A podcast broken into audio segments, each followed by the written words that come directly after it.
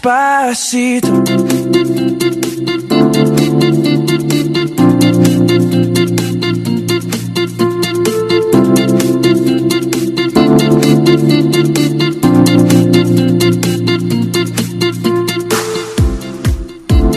Srikoyo di Gowonang, Jakarta. Trijaya Sepagi, Surabaya. Kembali bersama Anda.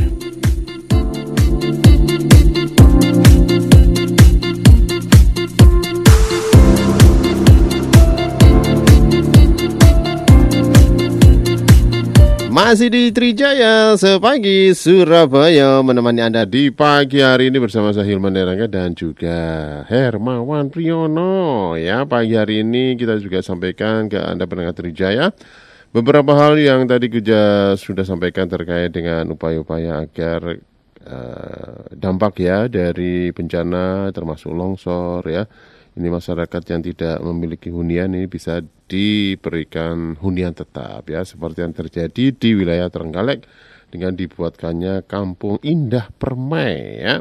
Kemudian juga informasi yang bisa saya sampaikan terkait dengan vaksin booster yang sudah boleh didapatkan uh, ya oleh warga Surabaya dan seluruh wilayah di Jawa Timur dan masyarakat Surabaya khusus untuk usia 18 tahun ke atas bisa mulai vaksin booster kedua ya.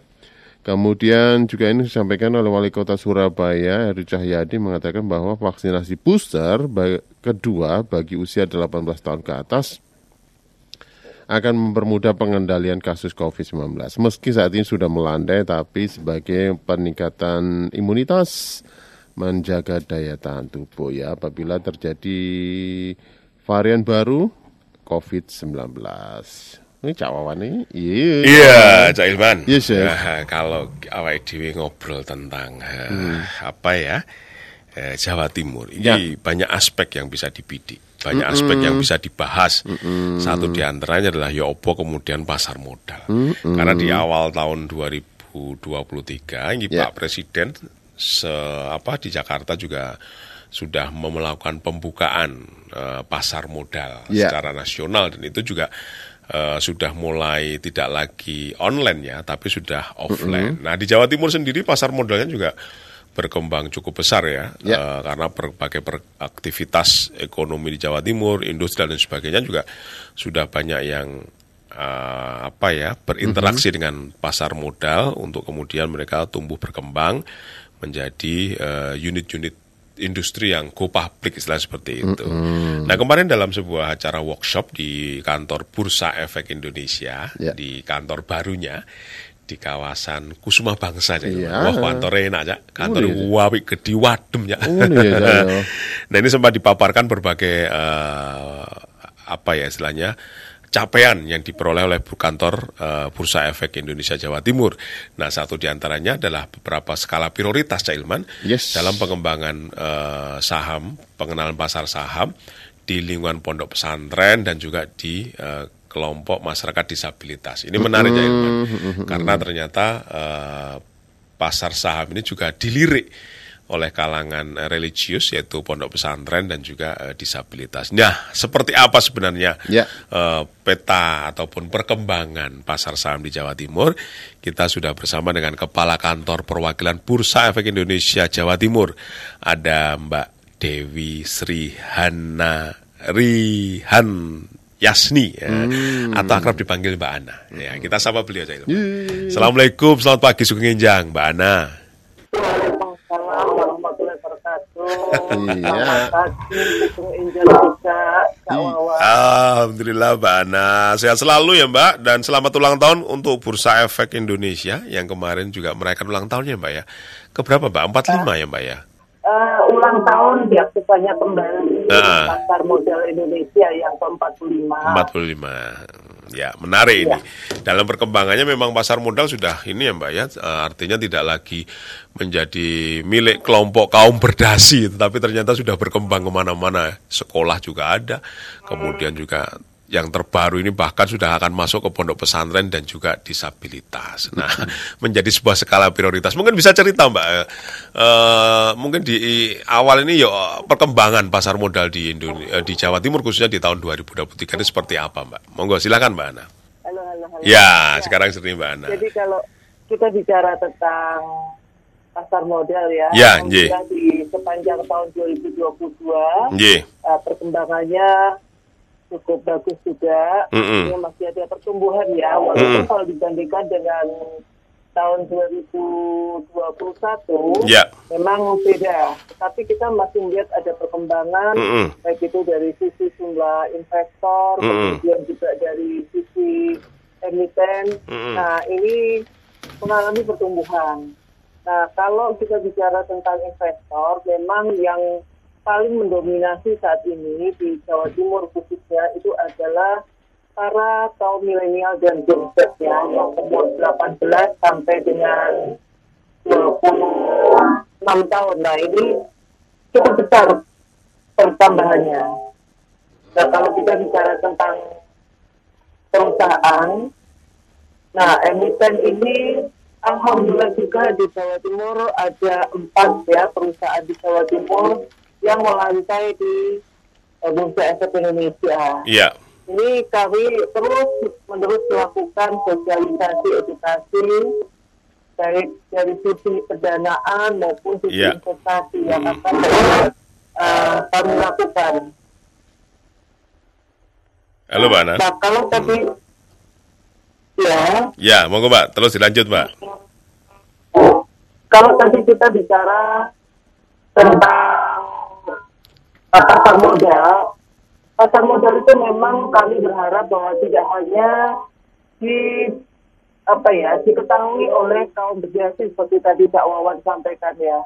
Tidak hanya kaum berdasi, tidak hanya kalangan tertentu, tetapi juga harus dipahami juga oleh seluruh lapisan masyarakat.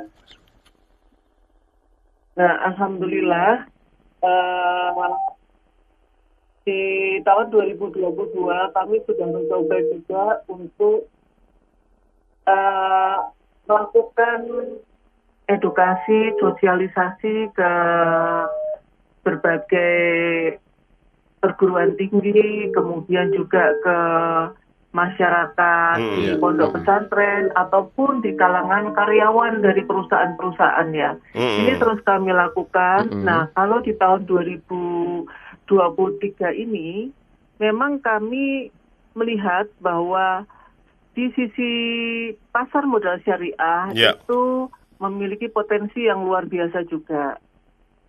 Nah, inilah yang coba kami perdalami lagi sehingga kami melakukan penetrasi juga Ya. untuk memberikan literasi keuangan ini Hmm. ke pondok-pondok pesantren. Pondok pesantren. Hmm. Ya, dan ini sesuai dengan uh, urutan prioritas ya yang Mm-mm. disampaikan oleh otoritas jasa keuangan Ya, bahwa ada ke- kelapisan atau kalangan masyarakat yang harus disasar di tahun 2023 ini seperti UMKM, kemudian Iya. uh, masyarakat di desa-desa tertinggal, terluar, terdepan. Mm.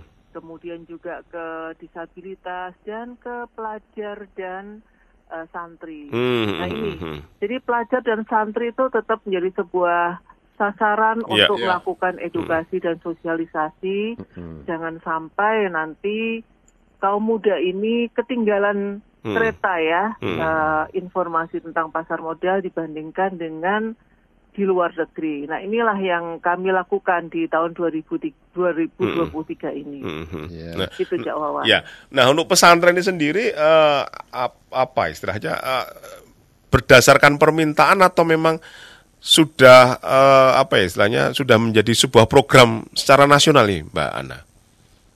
Jadi begini, Hmm. eh, jawaban untuk yang eh, pesantren ini, pondok-pondok pesantren, nah kami yang akan hadir ke Oh, gitu. mereka. Hmm. Ya, kami datang ke pondok-pondok pesantren yang insya Allah di tahun 2023 ini akan dilakukan di 15 kota. Wih, banyak ya dan Mbak. ada 37 pondok pesantren yang akan Hmm, kami iya, Iya, datangi. iya. hmm. Hmm. Ya, jadi ada eh, ke Sidoarjo, Hmm. Gresik, Malang, baik itu di kota, kabupaten, kemudian juga ke Jember, Hmm. itu Bondo, nah macam-macam lah ada 15 kota yang kami sasar Hmm, juga hmm, ini. Hmm. Nah, ada 37 pondok pesantren yang nantinya kami akan datangi. Hmm. Hmm. Kula nuwun mau menyampaikan informasi tentang ini pasar modal ini sebenarnya eh, tidak seperti yang dibayangkan. Hmm. Iya, iya, Ini iya, iya. Mungkin pandangannya haram ya ada Hmm, di hmm, situ. hmm. Nah, Iya. ini yang kami ingin sampaikan bahwa pasar Hmm. modal itu ada pasar modal syariah ya Mm-mm. dan bisa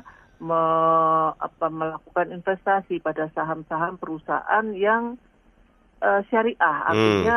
Ya sesuai dengan syariat Islam itu. Mm-mm. Hmm. Iya, iya. Kami Jadi, tentunya akan menggandeng DSN MUI ini, Mas. Oh, gitu ya, Mbak, ya? Jawan. Hmm. Iya, betul. Mm, jadi kalau selama ini orang berpandangan di pesantren wah saya solawatan tok tapi ternyata sudah melek pasar modal ya mbak ya Ya, kita eh, tetap menyampaikan maksudnya Iya. Bahwa masyarakat itu tetap harus ada dua sisi ya. ya Sisi keagamaan juga, tetapi sisi yang lain secara ekonomi juga perlu dipelajari karena ini bisa meningkatkan kesejahteraan dari masyarakat itu sendiri. oh iya Iya, benar iya, iya. iya, iya. Sebenarnya yang menjadi persoalan masyarakat awam gitu apa ya, Mbak? Mereka ketidaktahuan atau mungkin karena mereka ini eh, tadi yang seperti di wilayah pondok pesantren atau di sekolah agama atau di perguruan tinggi agama ini mereka ada semacam batasan gitu loh, Mbak. Iya, eh, pastinya kalau masyarakat di Indonesia ini lebih banyak karena ketidaktahuan ya. Ketidaktahuan. ya. ya. Karena memang kalau kita melihat jumlah penduduk Indonesia aja 270 juta. Nah, Hmm. untuk investor di pasar modal itu mencapai 10 juta eh, lebih ya. Artinya ini kan masih jauh sekali ya yang masyarakat yang paham juga eh, kemudian bisa memanfaatkan. Mm-mm. Ya, literasi keuangan di eh, berdasarkan hasil survei OJK memang Jawa Timur ini lebih tinggi ya dibandingkan dengan secara nasional. Tetapi itu juga tetap harus terus dilakukan karena jumlahnya juga masih jauh apalagi Mm-mm. terkait dengan pasar modal. Iya. Pasar modal ini masih jadi barang yang aduh ini binatang apa ini kayaknya. Hmm, ma- Ah, betul. makhluk apa ya ini?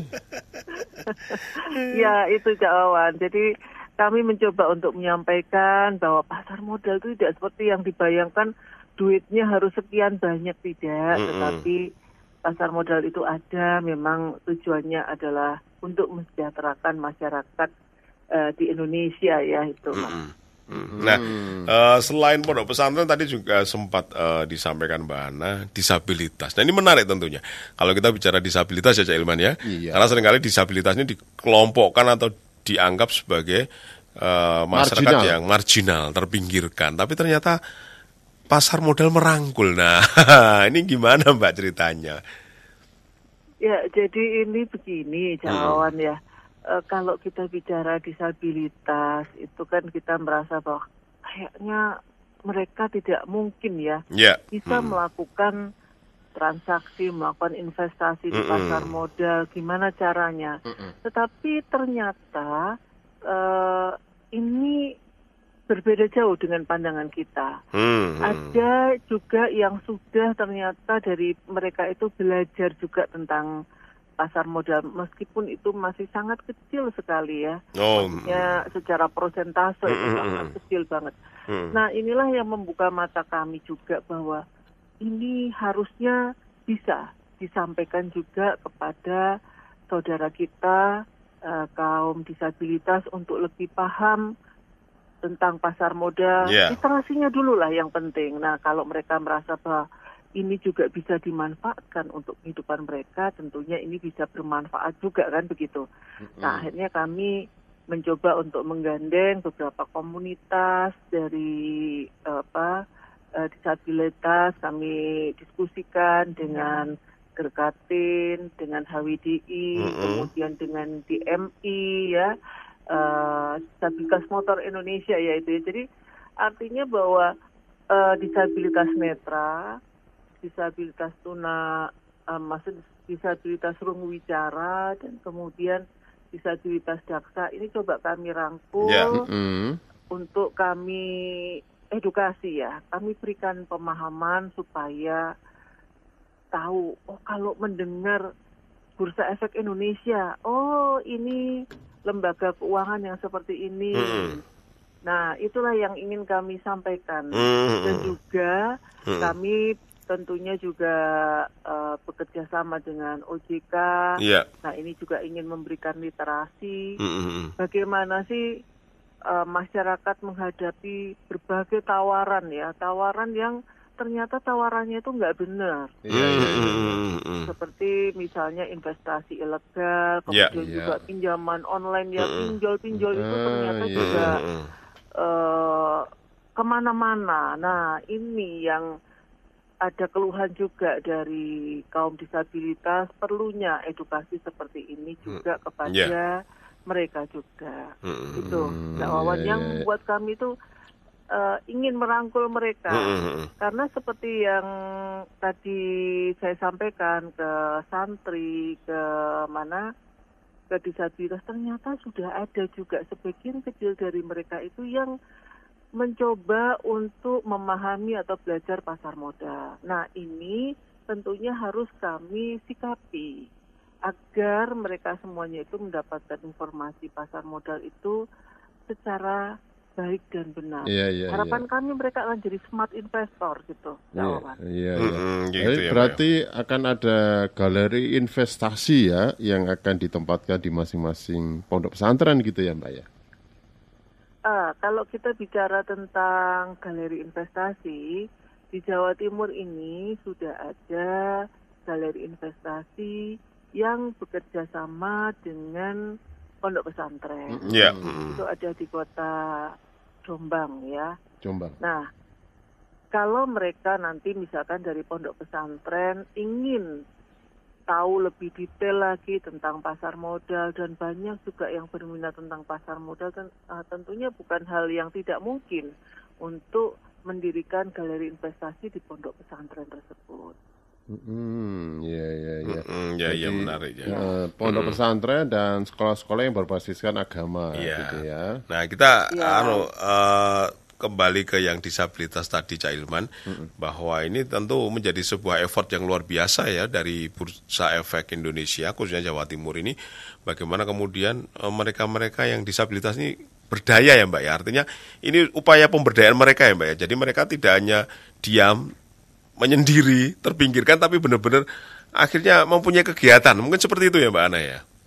Ya betul sekali, Mm-mm. Eh, Cak. Eh, jadi berpijak ya dari pengalaman di masa pandemi kemarin. Nah kita itu harus bisa ternyata mendapatkan penghasilan ya, tidak hanya dari satu sumber saja. Nah misalkan ini yang eh, saya mendapatkan juga cerita eh, disabilitas netra contohnya selama selama ini ya sebelum pandemi itu mereka menjadi misalkan eh, ini ya aktivitasnya di pijat itu kemudian juga misalkan jadi penyanyi atau pemain musik Mm-mm. nah Mm-mm. ternyata pada saat pandemi itu tidak mungkin dilakukan. Kondisinya tidak memungkinkan. Padahal kalau kita bicara tentang penghasilan, itu tentunya harus terus kita dapatkan ya untuk membiayai kehidupan kan begitu Iya, kan betul. ya. Ya, kawan, ya.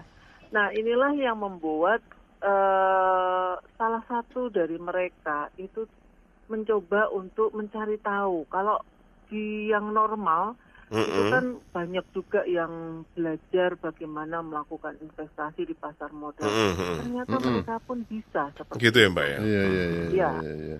Jadi Hmm. dengan eh, ada semacam sistem atau alat ya yang digunakan oleh eh, mereka Mm-mm. disabilitas netra itu, akhirnya mereka bisa melakukan transaksi di situ. Oh gitu Mbak. Hmm, iya, iya, iya. Iya, betul. Itu alatnya seperti apa ya Mbak? Kalau buku kan seperti eh, Braille ya. braille gitu ya. Kalau ada aplikasi kan mereka bisa mendengarkan gitu. Gimana Mbak? Nah, itu aplikasinya ini memang mengubahnya menjadi suara. Hmm. Nah, itu yang mereka lakukan. Nah, itu eh, dan saya itu juga terheran-heran ternyata begitu surprise buat saya karena dari perus- salah satu perusahaan sekuritas di mana mereka itu melakukan transaksi ternyata mereka bukan transaksi yang maksudnya harus masih tahap belajar pelan-pelan tidak ternyata mereka juga sudah aktif melakukan transaksi sama Oh, persis. Sudah iya, expert ya, Mbak ya? betul Iya, iya iya. Eh, memang awalnya muncul keru- kera- eh, keraguan ya Mm-mm. tapi setelah eh, mereka belajar Mm-mm. sama seperti kita Mm-mm. jadi artinya sepanjang mereka difasilitasi eh, kebutuhan mereka ya mereka Mm-mm. itu akan bisa menjadi orang yang normal saja seperti kita semua Oh itu ya, Mbak ya. Hmm, Iya. Hmm, luar biasa ini. Awak Dewi saya transaksi ini pasar genteng ya, Cak. Ini pasar sama awak Dewi gak paham apa-apa. Pasar maling ya. pasar maling. Iya, iya. Iya. ngono, Iya, Pak Mbak. Ya Ana tentu ini sebuah capaian-capaian yang luar biasa bagi Iya. Bursa Efek Indonesia perwakilan Jawa Timur ya Mbak ya dalam upaya mengenalkan, menumbuh kembangkan eh, pasar saham ini di wilayah Jawa Terutama Timur. untuk penyandang disabilitas. Ya, dan kelompok pondok pesantren. Nah, ya harapan apa Mbak Nana di tahun 2023 ini Mbak? Mengingat sekarang kondisinya sudah dapat dikatakan hampir pulih ya Mbak ya, eh, 100% sehingga tentu ini menjadi tantangan tersendiri bagi pasar modal Jawa Timur untuk tumbuh dan berkembang lebih maju lagi Mbak Ana. Ya, jadi kalau kita bicara tentang industri keuangan, Ya. memang kalau kita bicara tentang perbankan Mm-mm. itu uh, merupakan kelompok industri yang masyarakatnya sudah sangat uh, apa ya paham ya, Mm-mm. Nah, banyak sekali secara literasi maupun inklusi itu sudah cukup tinggi. Nah, kalau kita bicara tentang industri keuangan yang lain termasuk pasar modal, ini masih minimalis ya. Mm-mm. Nah, artinya saya sih berharap bahwa masyarakat itu terbuka. Terbuka untuk menerima informasi. Dipelajari lebih dulu apakah yang disampaikan itu benar. Nah, seperti kami dari lembaga yang eh, legal ya. Efek Indonesia, artinya bahwa apa yang kami sampaikan memang sama sekali tidak ada niatan untuk berjualan, tapi kami ingin memberikan liter- literasi, pemahaman kepada masyarakat. Nah ini harapan saya tadi, masyarakat terbuka untuk bisa menerima informasi, disaring, nah kalau memang benar, nah monggo bisa belajar lebih jauh lagi. Tapi yang paling penting adalah terbuka dulu Ya. Hmm, ya. menerima informasi. Itu sih jawabannya. Iya, Mbak Oke. Ana. Mbak Ana, terima kasih sudah berbagi informasi pagi hari ini. Sukses selalu buat pasar modal perwakilan Jawa Timur dalam eh, terus memperjuangkan pasar modal menuju tahapan-tahapan yang lebih baik ke depannya ya, Mbak ya. Amin, amin. Ya. Terima kasih untuk doa dan dukungannya dari Radio Trijaya FM selama ini. Ya. Sukses selalu juga untuk Radio Trijaya. Amin. Terima Oke. kasih Mbak Ana. Selamat pagi. Assalamualaikum Mbak Ana. Eh, pagi, Waalaikumsalam warahmatullahi wabarakatuh. Iya. Iya, kita sudah bersama Kepala Perwakilan Bursa Efek Indonesia Jawa Timur, Ibu Dewi Srihana, atau akrab dipanggil Mbak Ana. Bagaimana kemudian pasar modal ini lebih mengenalkan produk-produknya ke lingkungan-lingkungan atau kelompok-kelompok masyarakat tertentu ya, Cak Ilman Ya, ya. Ada di pondok pesantren dan juga ada di kelompok disabilitas. Oke. Ya. Kita break dulu Cak Ilman, nanti sambung informasi lainnya. Oke, nanti kita kembali setelah yang ini. Turn the headphone up. Check. Yeah. Uh huh. Yo. Yeah, uh, it's a brand new day, brand new day. Decent jeans and a brand new J. That's the sunshine, I'm a brand new shade. Sipping on a cup of tea and a creme brulee. I've been working so hard like yay. Sucking money so thick like a Kim Kardashian. Don't wanna go home, so we go to ballet.